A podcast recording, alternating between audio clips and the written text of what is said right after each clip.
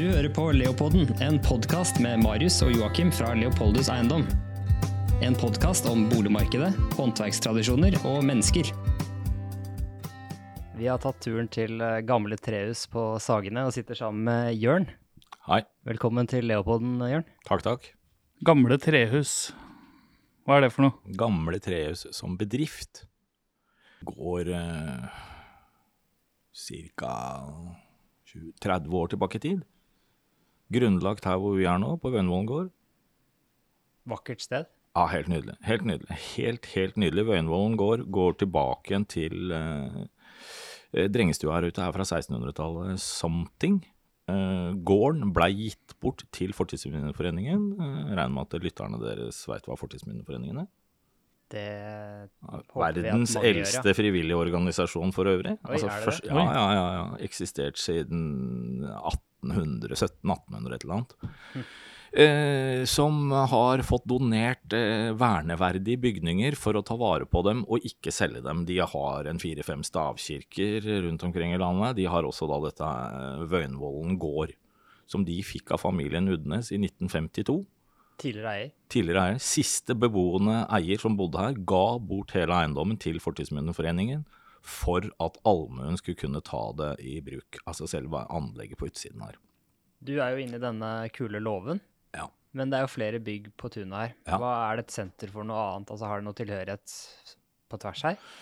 Eh, Det har vært litt sånn vikarierende opp, og, opp gjennom årene. Det har vært alt fra tapetmakere til eh, regua- altså vanlige kontorer for eh, Naturvernforbundet har vært her i mange år. Eh, Fortidsminnesforeningen har avdeling Oslo, har vært her bestandig. Eh, så nå i det siste så har det flytta inn en eh, kar som driver med trebevaring, restaurering av vinduer og glass og sånne ting. Og så er det en dame som selger gamle danske designermøbler, og så er det en del kunstnere som har atelier her. Og dere, da? Og vi, Gamle Trehus, er den bedriften som har vært her lengst.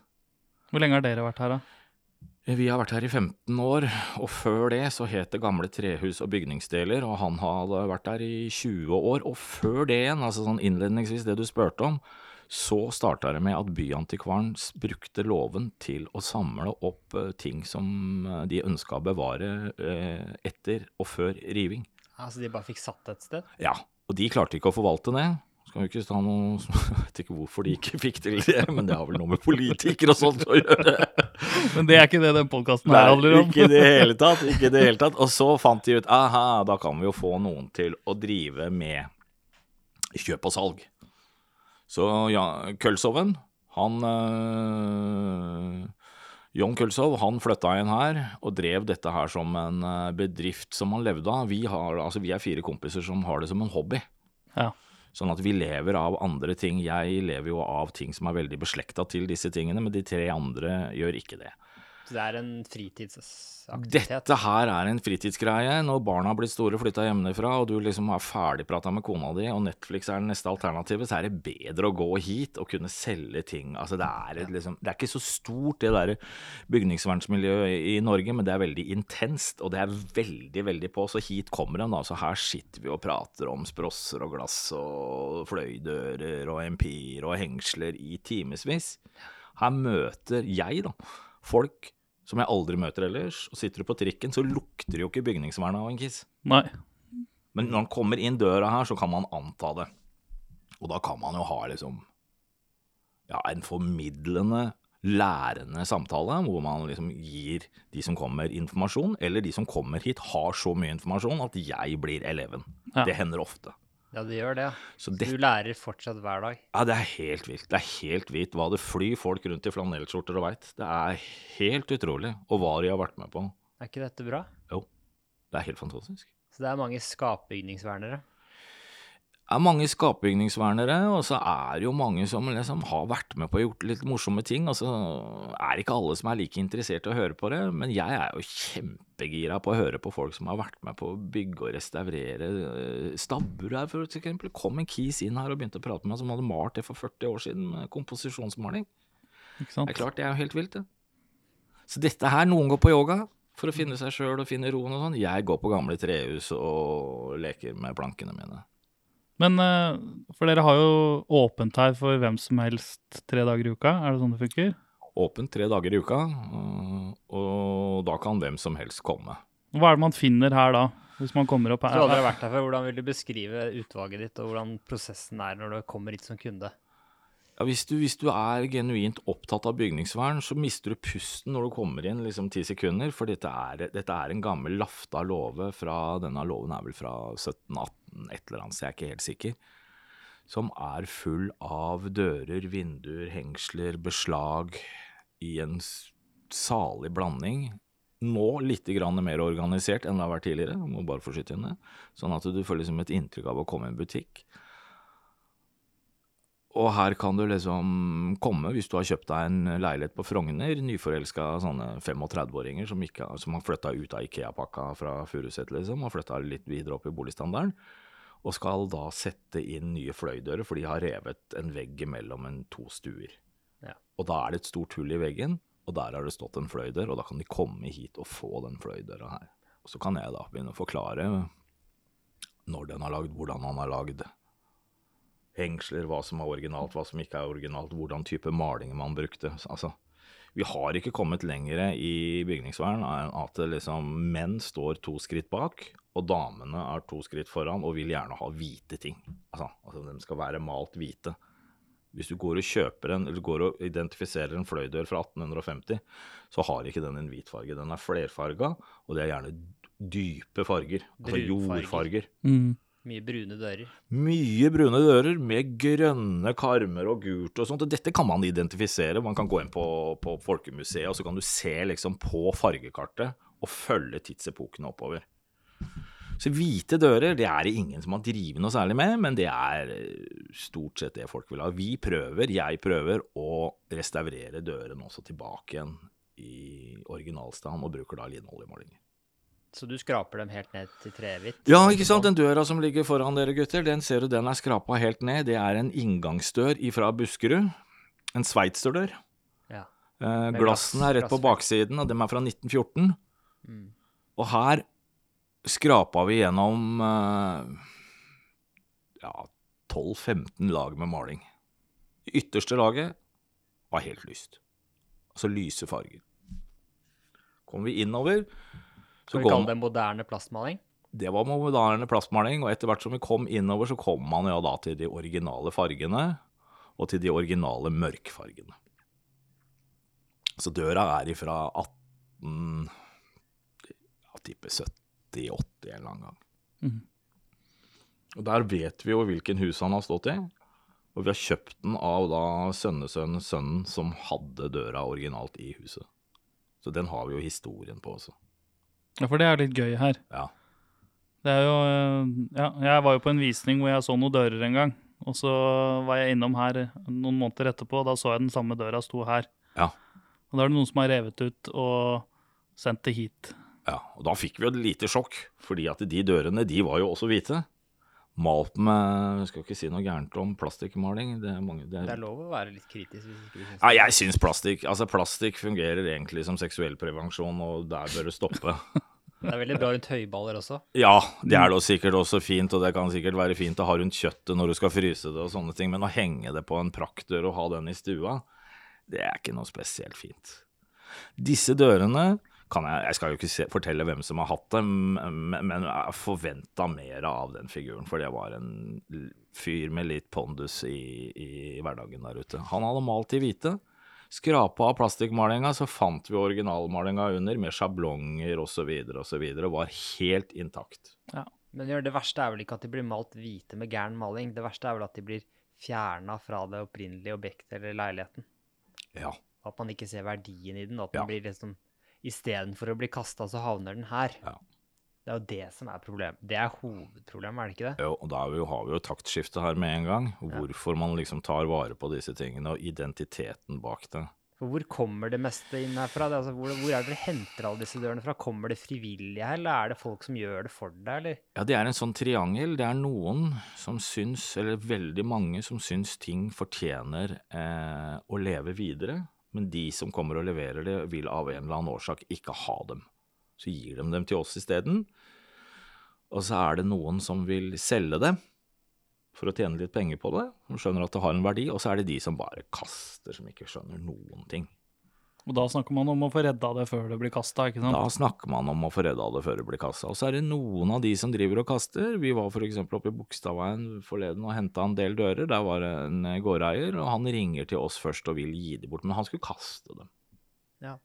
Så du er avhengig av at folk vet om dere, da.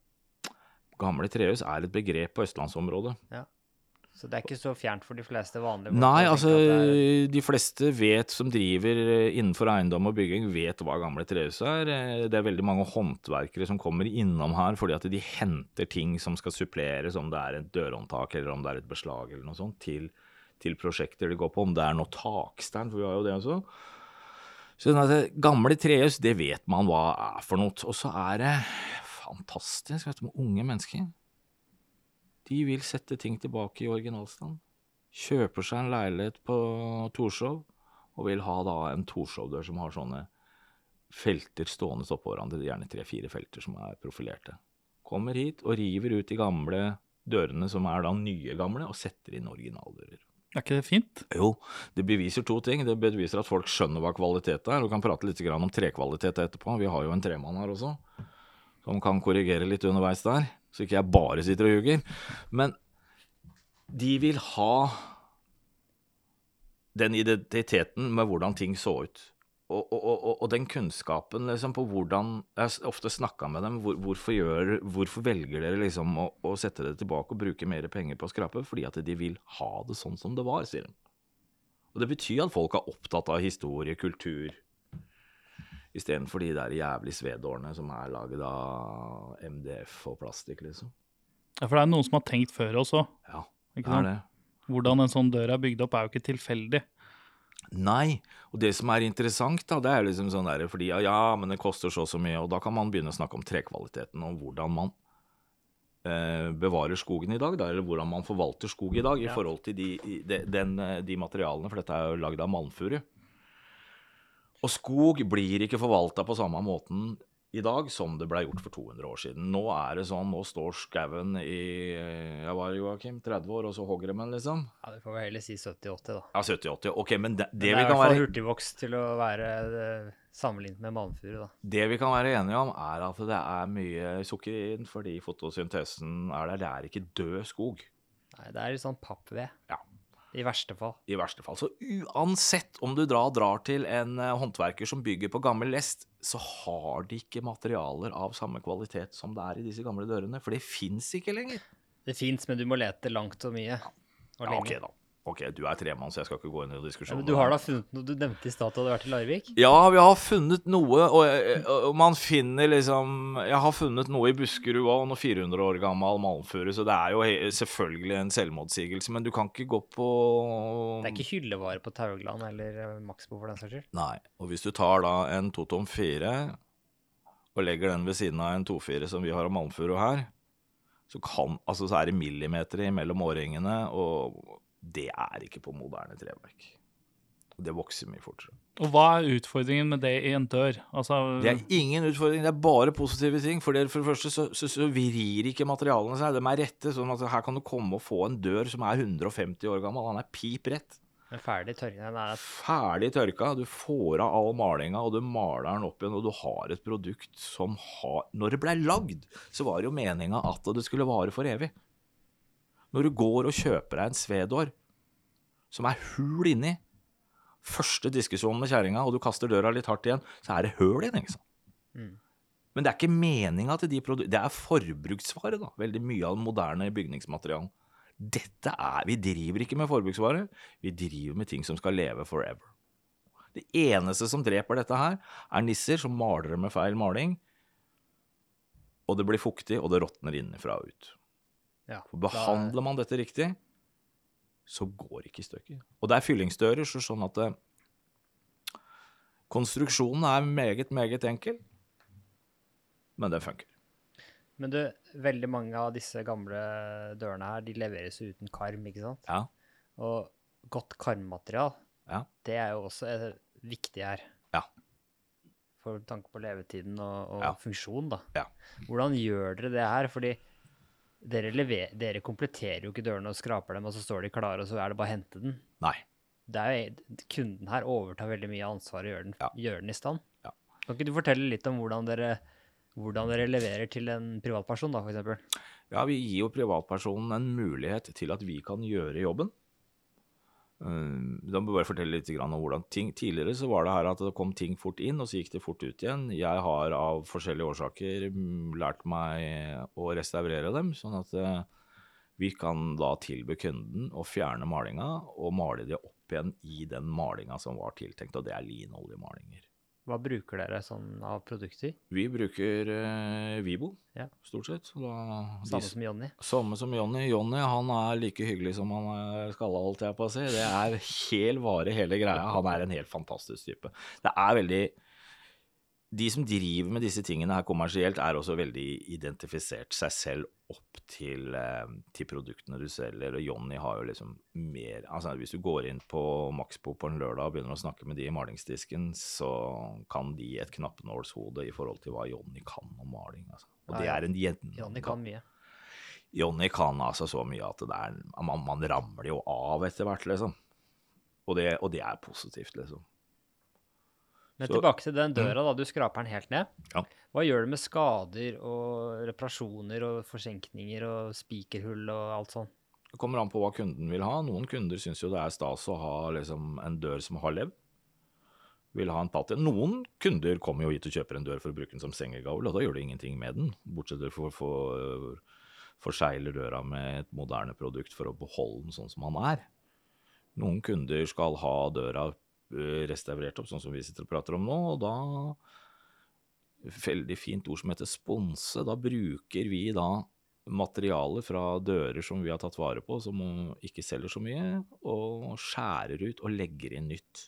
Men vi bruker gammelt materiale, vi drar ikke på, på byggevaren. byggevaren og Så det er liksom en donordør. Ja. Det er noen donordører her.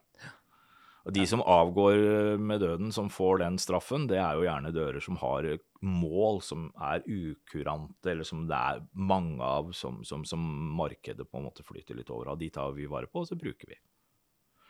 Det er fin gjenbruk. Gjenbruk er ordet. Gjenbruk er bare helt nydelig. Gjenbruk er greia. Altså, det er eh, en helt annen ting enn å kjøpe nytt. Gjenbruk gir en følelse av mestring. Gjenbruk gir liksom en følelse av at eh, du har valgt produktet, og du, produktet har ikke valgt deg fordi det kommer en eller annen interiørting og sier at sånn skal vi ha det, for det er fint nå, og du har valgt det selv. Mestring kommer fordi veldig mange kunder her har lite skills på det der å pusse opp, så da jeg, legger jeg på en to-tre kroner, og så forklarer jeg dem hvordan de skal gjøre det. Så får de en fin bruksanvisning. Og det syns jeg er veldig viktig, at man på en måte deler på kunnskapen. da. Sånn du kan komme hit. Så det spiller ingen rolle om du ikke kjøper noe, men du kan få med deg en bruksanvisning på å pusse opp dørene dine. Jeg anbefaler altså alltid kundene den løsningen som er best, og ikke dyrest. mestringsfølelse. Skrape en dør, male med linolje og henge den opp, så vi får da, bilder tilbake av kunder som legger ut og forteller og sånn og sånn, og det ble så fint. Jeg er i bedre humør, både liksom sånn spirituelt og følelse, altså fysisk, psykisk, når jeg går ut herfra, fordi at det er mennesker som tilfører, noe. Og det er utrolig mye mennesker der ute som syns gjenbruk er stas. Ja, og det, det er jo en, er, altså, det er en stor gruppe. Og det er jo en sånn dreining i samfunnet som helhet nå, da, at dette fokuset på det å ta vare på og, og foredle ting videre er, er viktig. da. Ja, ja, Og det er jo veldig rasjonelt. Hvis du først har lagd en dør én gang, så hvorfor lage den igjen? Ja. Hvis, du kan, eh, hvis du kan bruke den på nytt. da. Og Ja, hvis den tåler da 100 år til, Mm. og en ny dør hadde tålt 15-20-30 år til, Mm. så Det kan hende at det er dyrere å restaurere, men det langsiktige, eller regnestykket Hva kaster er- døra i året, da? ikke sant? Ja, det er det jeg også sier til kundene. liksom. Altså, at uansett så, så, så vil dette her uh, være en investering, fordi at datteren din eller sønnen din vil jo få noe som vil ha en verdi. Altså verdien på produktet stiger jo. Og, og, og det vil alltid Altså, det er, det er- altså, det er liksom sånn å sammenligne biler det er, det er biler og biler, liksom, men eh, Lada blir liksom aldri en Rolls-Royce. Nei. Nei. Uansett ta, hvor mye du maler på den. nei, uansett hvor mye du maler på, du kan kjøre på, til stranda med den, liksom. Og bade og ha det gøy og kjøre hjem igjen. Men det er fortsatt en Lada, liksom. Mm. Og den går i stykker, og det fins ikke deler til det. Og de som har bygd det, har ikke noe forhold til det. Og det er bare tull og fjas. Ja, for det er, det er unektelig sånn at når du tar i en sånn ordentlig fyllingsdør, en hel, altså en hel dør, heltredør, Mm. når du bruker den døra, det er en annen opplevelse enn en sånn pappdør. Det er sakralt. Ja. Altså, jeg må jo kunne si det. Det er liksom Når du har pussa opp disse tingene, så får du ikke bare en dør, men du får jo et møbel. Ja. Altså, og det er liksom Det er jo så mange som har åpna og lukka døra. Ja, tenkte jeg det. Så du får jo en følelse av å være en som på en måte tar vare på og gir det videre, da. Tenkte jeg så mange tanker som har vært i det dørbladet, liksom, forbi der. Helt, helt utrolig. Altså, ja. Inne på låven her, hvis man er litt sånn overtroisk og sånn, så kan man fort tenke på at ai, ai, ai, her er det sikkert en og annen kar som på en måte ikke har funnet veien uh, Ikke funnet veien ut ennå. Døra. går og banker og skraper litt og sånn, men det er bare veldig god energi. Det er bare, det er bare veldig fint å være her. Det er ikke sikkert at det er det beste stedet for en høysensitiv Nei, jeg tror ikke det. som plukker opp gamle energier. Nei. Har vært noen sånne byg, altså anlegg her, altså tilbake til det, blir også leid ut til eh, foreninger, eh, brylluper, eh, konfirmasjoner, boklanseringer, og den anledning så var det en sånn spirituell type sånn ånde-sjelevasker, eller gud hjelpe meg, han holdt i hvert fall på med noen spøkelsesgreier. Og håret hans sto vel rett opp i tre uker etterpå etter han hadde vært der inne, for her var det mye greier, altså. De løp rundt og hadde noen sånne imaginære spøkelser på skuldrene, det var fantastisk å se på, men eh, ja, nei, jeg tror ikke det. Med mindre du liker det, da. Du blir jo aldri ensom da, hvis du liksom er høysensitiv og sånn. Du blir jo ikke sånn, du har jo alltid noen venner, selv om ikke alle ser dem, liksom. Du har bare bedre kontakt med det. Ja. Men du trives her. Ja, helt fantastisk. Helt fantastisk. Det er veldig identitet. Det er jo identitetsskapende, dette her. Så hvis du liksom er litt sånn, sånn som jeg var, da eh, Litt sånn eh, uplassert eh, 50-åring som ikke helt visste hva, hva greia var, så er, er- det fint å liksom velge dette her er, eh, Dette vil jeg drive med, da. Dette er livet mitt. Dette, Ja, for det her er hjertet, ikke sant? dette er hele greia. Det er Ja. hele maskinen, altså. Så hva var din reise til, Ja, til var, denne hverdagen da, Jørn? det, var, det var den der biten der. Jeg er gammel narkoman og alkoholiker. Har vært det i 25-30 år. 25 år. Eh, skal ikke fortelle så veldig mye mer om det, bortsett fra at uh, rusmidler er ikke bærekraftig. Rusmidler er ikke livsforlemmende, og rusmidler er ikke kult. Liksom. Man blir jo bare døv det. Så jeg slutta med det. Og da får man jo liksom livet litt i gave igjen, da. Man kan velge på nytt, liksom. Mm. Jeg syns jo det er litt sånn kjærlige kranglinger og litt sånn uvennskap og litt sånn, der, sånn, sånn altså, liksom, Kjenne at livet er der, det er veldig fint. For når du driver med andre ting, så er du helt Oi. Da er du helt kobla av, ikke sant. Ikke sant? Så jeg fant ut det at eh, eh, for å få en vanlig arbeidsgiver og å ha meg i jobb, tenkte jeg det, vil bli litt kronglete, så jeg måtte liksom finne litt sånn ut hva jeg ville altså lage min egen arbeidsplass. Og så var det jævlig viktig for meg det der å inkludere spesielt litt sånne sinna gutter som er på vei ut i ulende. Og når du har liksom levd på den måten som jeg har, så kan jeg jo alle triksa i boka. Så jeg klarer liksom å kjøre dialog med dem. Og det er en helt annen greie, men altså, jeg, altså det handler om å bli sett, se og bli sett, da. Akkurat der du er. Akkurat der du er, og for hvem du er. Og så Når man våkner opp ifra en sånn uh, ruståke, fjern greie, så begynner jo liksom ting Hverdagen kommer inn, og begynner liksom å Hva er viktig, hva er ikke viktig, og sånt. Og da er vi rett over på gjenbruk. Ta vare på ting, identitet, noe som er lagd for å vare, osv. Det er interessant at det er det som kom til deg. Ja, og jeg er gammel maler, interiørmaler, da. Og selverklært verdensmester. Noe som jeg måtte bare slutte med, for det, det er jeg definitivt ikke. For det, det, det, vi holder på med her, er, er det så liksom altså, Det vil alltid ligge over meg, da. Kunnskapen. Det er jeg som er heldig som får lov å besøke kunnskapen, og ikke omvendt. Så min jobb er å forvalte kunnskapen og gi den videre til noen andre. Så det lever jeg jo av, sånn jobbemessig. Og så er det her som er mitt nirvana. Og når du liksom Når du har fått ja, ikke sant, tilbake igjen til det der å få livet i gave en gang til, så er det der òg Man blir så jævlig mye mer knytta opp mot ting som er lagd med en mening. Ja. Det er så mye mer identitet i det. Ja, ikke sant? Mm. Jeg synes Ikke som er liksom sånn der Ja, nei, vi kjøper den, for den har en fin gråfarge, og så blir det populært på Skedsmokorset, og så er det ikke kult lenger, liksom. Det er jo en del av disse sorte stål-jerndørene med glass i nå på Frogner. Ja, fy faen, for noe De, dritt. de står jo gjerne i en sånn åpning hvor det har vært en tofløya 1800-tallsdør, da. Ja, og, og så den døra som Tror du de er like fine om 50 år? Nei, det går ikke an, vet du. Det går ikke an. Den døra som eh, Marius prata om, som vi sto og besikta i fellesskap, som kom fra denne karen med litt sånn plassering i samfunnet Vi var og henta dem, vet du. I Oscars gate, en helt fantastisk leilighet. Der hadde de bare lagt inn en hel haug med stålbjelker, fjerna alle veggene. Og lagd en sånn der eh, futuristisk Star Trek-leilighet. Liksom. Ja, for vi har snakka om det før, at som jeg sa i stad, det er jo noen som har tenkt før oss også. Ja. Og disse profilene på dørene og rominndelinger og al altså alt dette har jo en balanse på et eller annet vis. da. Ja. En arkitekt som tegna disse gamle, gamle gårdene som står rundt om i Oslo, han hadde et perspektiv om helhet. Ja.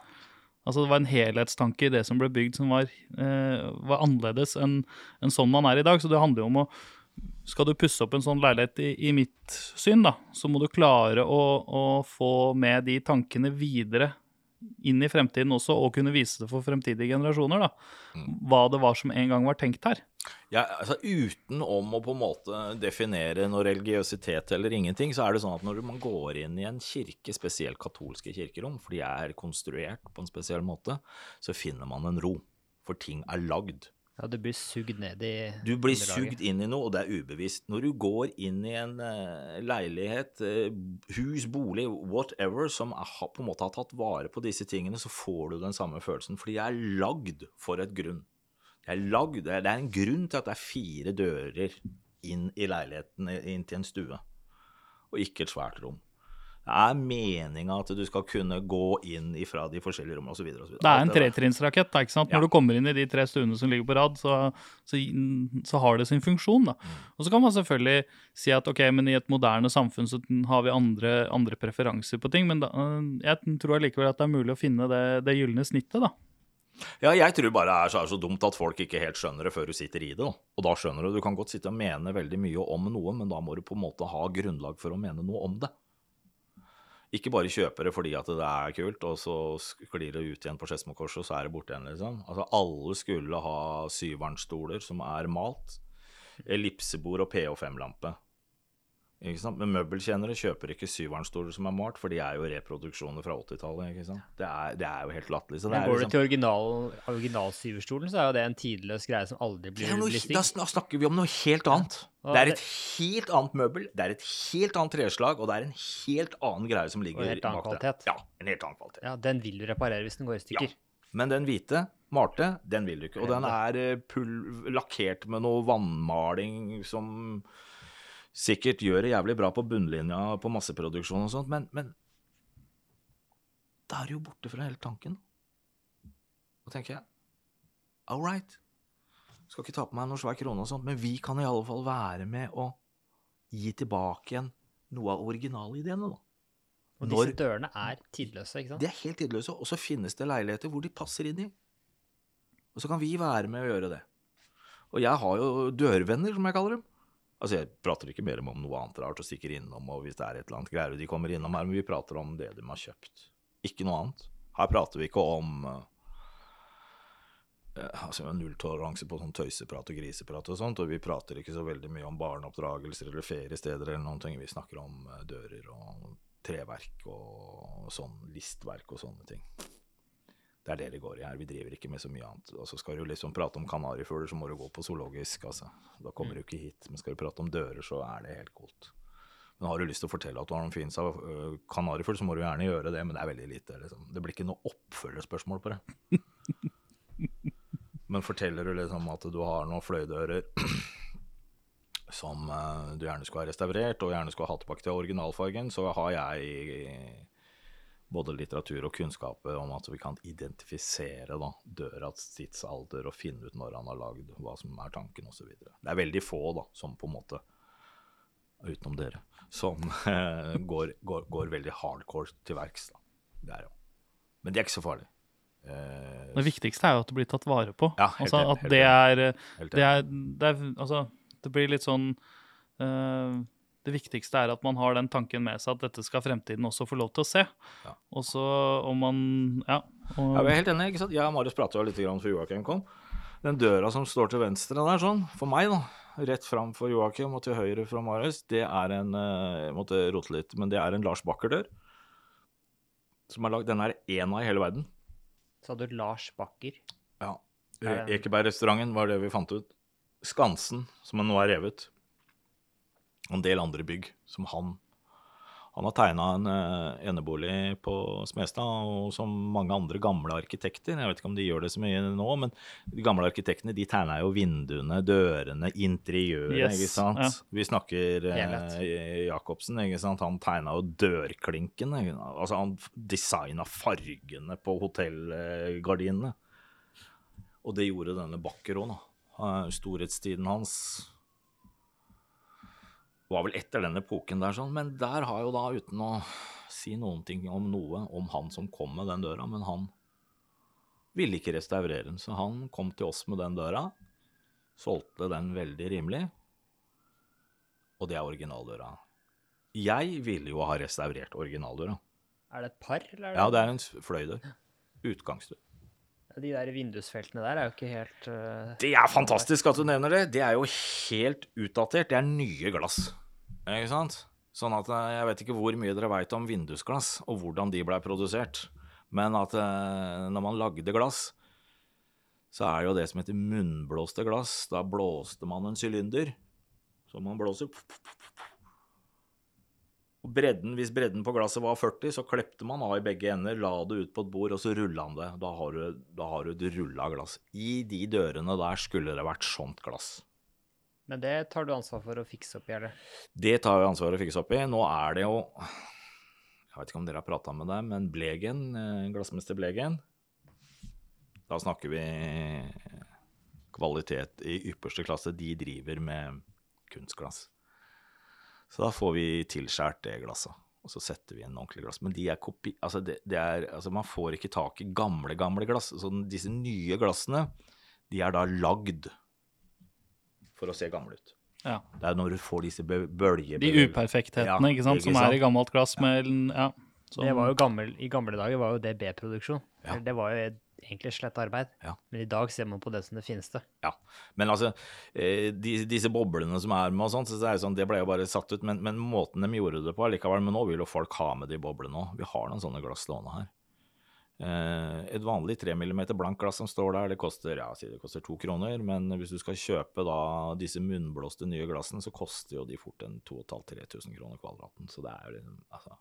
Det er en annen liga. Men jeg tenker at det er det verdt for å gjøre den der fin igjen. Ja, det er liksom, hvis du ikke gjør det, så er det jo litt sånn, altså, hva faen, altså. Du, du skal gå på middag til kongen, og så tar du på deg nilledressen. Gjør jo ikke det når du først har fått audiens på slottet, liksom. Nei. Da kommer jo noen fete greier. Ja. Du kommer jo ikke med noe dritt. Men det gjør de jo. Og da kan man jo begynne å lure på, er det med folk?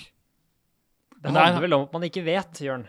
Man har Ja. ikke et forhold til det. Ja, det er fint dere driver med det dere driver med, at vi kan liksom skolere det. Man kan jo ikke bli sinte på det, men Nei, liksom, det handler kan jo om ikke noe kunnskap. for det. Ja, kunnskap, ja, ikke sant. Og hvor, hvem er det som skal forvalte denne kunnskapen? Hvis man ser på disse dørene som vi har, disse fyllingsdørene, og så skal man liksom gå og få lagd noen nye fyllingsdører, hvem er det som sitter på den kunnskapen? Svært få, og det koster mye.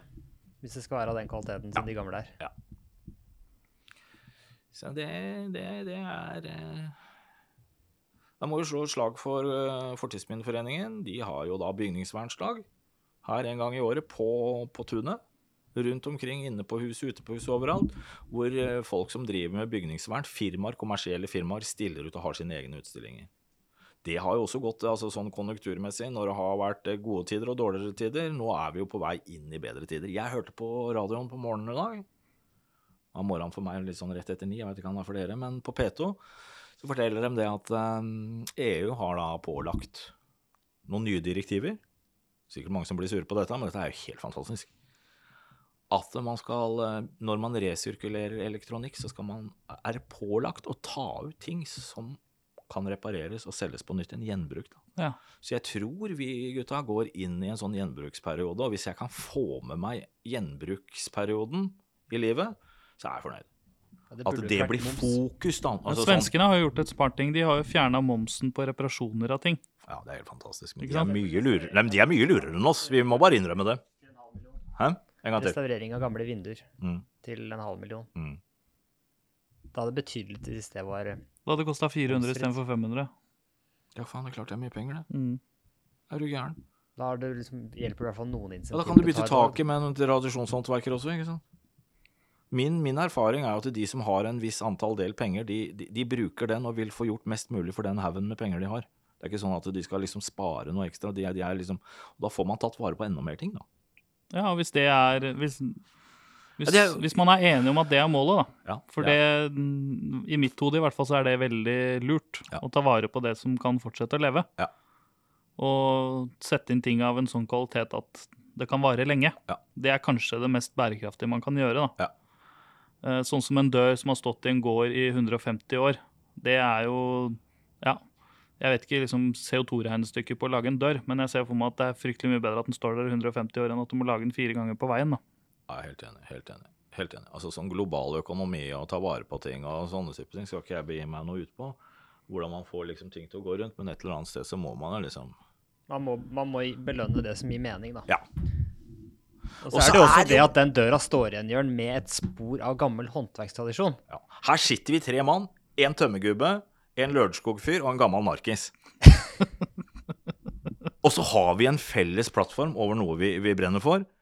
Det vi er genuint opptatt av, er kunnskapen og det vi driver med. Så jeg tror jo det, er, altså det der, det der å, å være genuint opptatt av noe som er- som er varig, og som ikke er personlig identifisert, er jo jævlig bra liksom sånn holdningsskapende greier, da. Ja, jeg, jeg er helt hellig overbevist om da, at dette handler om, som så mange andre ting, at når du får kunnskap om noe, Mm. så altså, du glemmer ikke det du har lært. da. Nei. Og hvis du har lært hva en gammel dør er, og hvordan den ble lagd, og hvorfor den er bra, så glemmer du ikke det. Og da har du det perspektivet. Nå tror jeg det er kunder her, vet ikke, men det, det finner vi ut av. Ja. Ja, Det er litt en del av den innspillingen her, at Ja. kundene får være med hvis de en- dukker opp. Vi kan jo, vi kan jo For nye lyttere, holdt jeg på å si, så kan vi jo repetere når åpningstiden er. Ja. Åpningstidene her er onsdager fra to til seks. Og så er de fra to til åtte på torsdag, og fra tolv til tre på lørdager. Og så er jeg veldig tilgjengelig. Hvis man først har vært innom her, så får man bare et eh, visittkort med telefonnummeret mitt på, så er jeg, er jeg tilgjengelig for de som eventuelt måtte ønske det. Ja. Veldig spennende å snakke med dere, og tusen takk for at jeg fikk eh, komme og prate. Takk for tiden du satte av til det. Ikke noe problem. Høres vi. Du hører på Leopolden, en podkast med Marius og Joakim fra Leopoldus Eiendom. En podkast om boligmarkedet, håndverkstradisjoner og mennesker.